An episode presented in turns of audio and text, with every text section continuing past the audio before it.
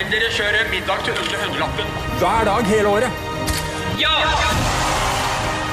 Hva skjer da? Doffen og Døva. Velkommen til Rundt matbordet. Dette er en podkast laget av Rema 1000. Jeg heter Katrine Fossum og er kommunikasjonssjef. Og med meg som gjester i dag har jeg blogger Sofie Elise. Velkommen til deg. Og velkommen til deg også, Anja Lyngsmark fra Regnskogfondet. I dag skal vi snakke om regnskogen. Vi skal snakke om palmeolje og ikke minst påskeegg. Sofie Elise, hva var det som gjorde at du engasjerte deg i palmeoljedebatten? Egentlig så hadde jeg ingen ønsker om å ville fokusere på det, misforstå meg rett, men det var ingen planlagt greie fra min side. Jeg har alltid vært opptatt, og er opptatt av miljøvern, og kanskje spesielt regnskogen, fordi at jeg er også opptatt av dyrevern, og det er jo veldig rikt dyreliv der, så eh, regnskogen og polene som smelter, har alltid vært veldig nærme mitt hjerte og min samvittighet. Um, men jeg vet at for å nå målgruppa mi, eller den målgruppa som leser bloggen min, som i hovedsak er fra 13 til 24 eh, år, så nytter det liksom aldri å ha masse tall og fakta og sånn. Og jeg visste at jeg kunne heller ikke spille på mine, eh, mine følelser eller min dårlige samvittighet for at mine lesere skulle føle noe. Så sånn som det kom med palmeolje, var at uh, jeg sto på Narvesen um, og venta på at trikken min skulle gå hjem. Det var rundt påske denne tida av året for to år siden. Og så uh, hadde jeg så god tid, så sto jeg og så på disse påskeeggene til Freya. Og så tenkte jeg sånn, så kom det bare opp i bakhodet mitt at jeg huska at jeg hadde fått en kommentar fra en bloggleser en gang jeg hadde spist disse eggene der, og sa du som er så opptatt av um, miljøvern, burde jo ikke spise disse påskeeggene. Så kom jeg plutselig på det, så jeg sånn, hm, lurer på hva hun mente med det. Så søkte jeg det opp på Regnskogsfondet sine lister over Janei-produkter, og da kom den på rød, at det var veldig høyt nivå av palmeolje. Så tok jeg et veldig kjapt søk på Google om hva det egentlig betydde. Lagde innlegget superkjapt, uh, og så ble det delt veldig masse. Og siden da har jeg egentlig vært engasjert i palmeoljedebatten, da. Anja fra Regnskogfondet, hva er det som gjør palmeolje problematisk? Altså Det som er problemet, er ikke oljen i seg sjøl, det er industrien, syns vi. Og hvert år så blir veldig store regnskogsområder brent eller hugga ned for at man skal lage plantasjer. Det er kritisk. altså Indonesia er et av landene i verden der regnskogen ødelegges raskest. Og Malaysia har nesten allerede ødelagt all sin skog pga. hogst og sånne plantasjer.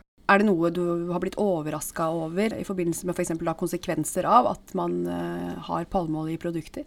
Det som er at palmeolje har nok vært av de debattene jeg har engasjert meg i, uten tvil den vanskeligste, eh, vanskeligste å engasjere seg i, fordi at uh, jeg er jo også uh, i den posisjonen jeg er der mange vil at man skal reklamere for ting, og man får høre veldig mange ulike sider av en sak.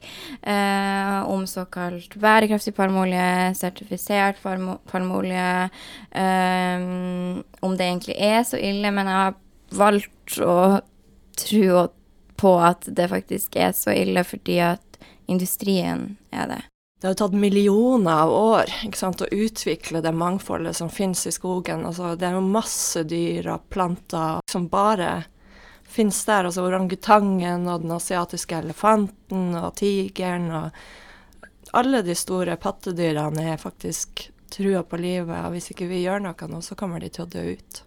Nei, jeg synes jo det er helt forferdelig, og for meg er det også helt uforståelig at folk ikke kan bli berørt av sånne type fakta. Og jeg lurer litt på hva man skal med alle disse pengene man tjener når man ikke har luft igjen å puste. Og det høres kanskje ekstremt ut at jeg sier det, men det er jo sånn det faktisk kommer til å bli hvis man ikke gjør små ting. Og da sier jeg ikke at alle trenger å bli aktivist, men det finnes faktisk veldig enkle ting man kan Hvis jeg kan, så tror jeg mange kan. Men er det mulig som forbruker i dag å leve et liv uten palmeolje? Ja, det er sikkert mulig, men for meg som Altså, det har vært og er helt utrolig vanskelig, fordi at spesielt med kosmetikk, kanskje, fordi at det er eh, palmeolje skjult under utrolig mange andre undernavn. Og så der, i hvert fall i kosmetikkbransjen, så er folk veldig flinke eller store på å si nei, vi bruker sertifisert palmeolje fra dette og dette. Men Anja, hva er egentlig forskjellen på sertifisert og usertifisert palmeolje? Er det sånn at det faktisk finnes bærekraftig palmeolje?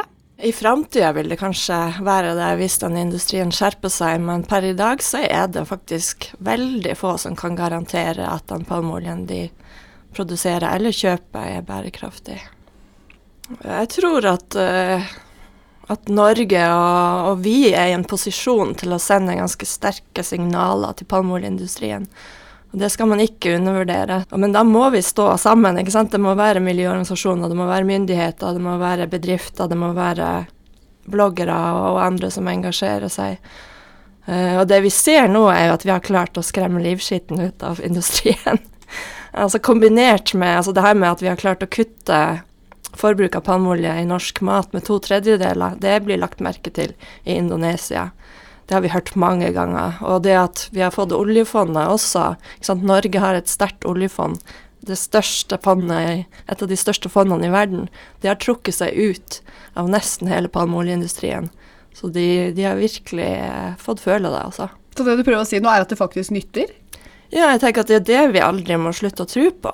Det er, det er opp til oss å å få til endring. Hva, hva, hva har det å si at uh, en, uh, en, person som Sofie Elise Anja løfter uh, denne debatten opp igjen og, og, setter fokus på palmeoljefrie produkter?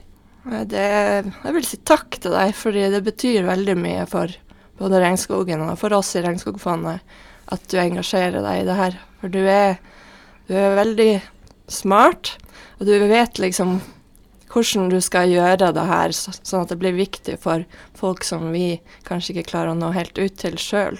Altså når vi snakker, så blir vi jo kanskje oppfatta som ja, ofte kunnskapsrik og litt nerdete og, og, sånn, og det er vanskelig for oss sjøl å knekke koden ofte for å nå ut til mange, og da trenger vi hjelp til det. Hva slags kommentarer har du fått, Sofie, på, på engasjementet ditt?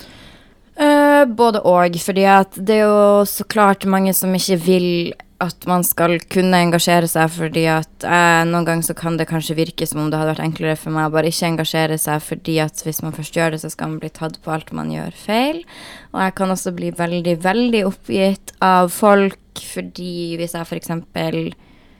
Mm, har snakka om påskeeggene, eller når det ble klart at Rema lagde sine egne og ikke tok inn påskeeggene fra Freya, og jeg delte den saken, så var det folk som kommenterte Ja ja, da får jeg vel bare gå et annet sted og kjøpe påskeegg. Så tenker jeg herregud, dere er så dumme. Og det er liksom sånne ting jeg tenker som er veldig irriterende.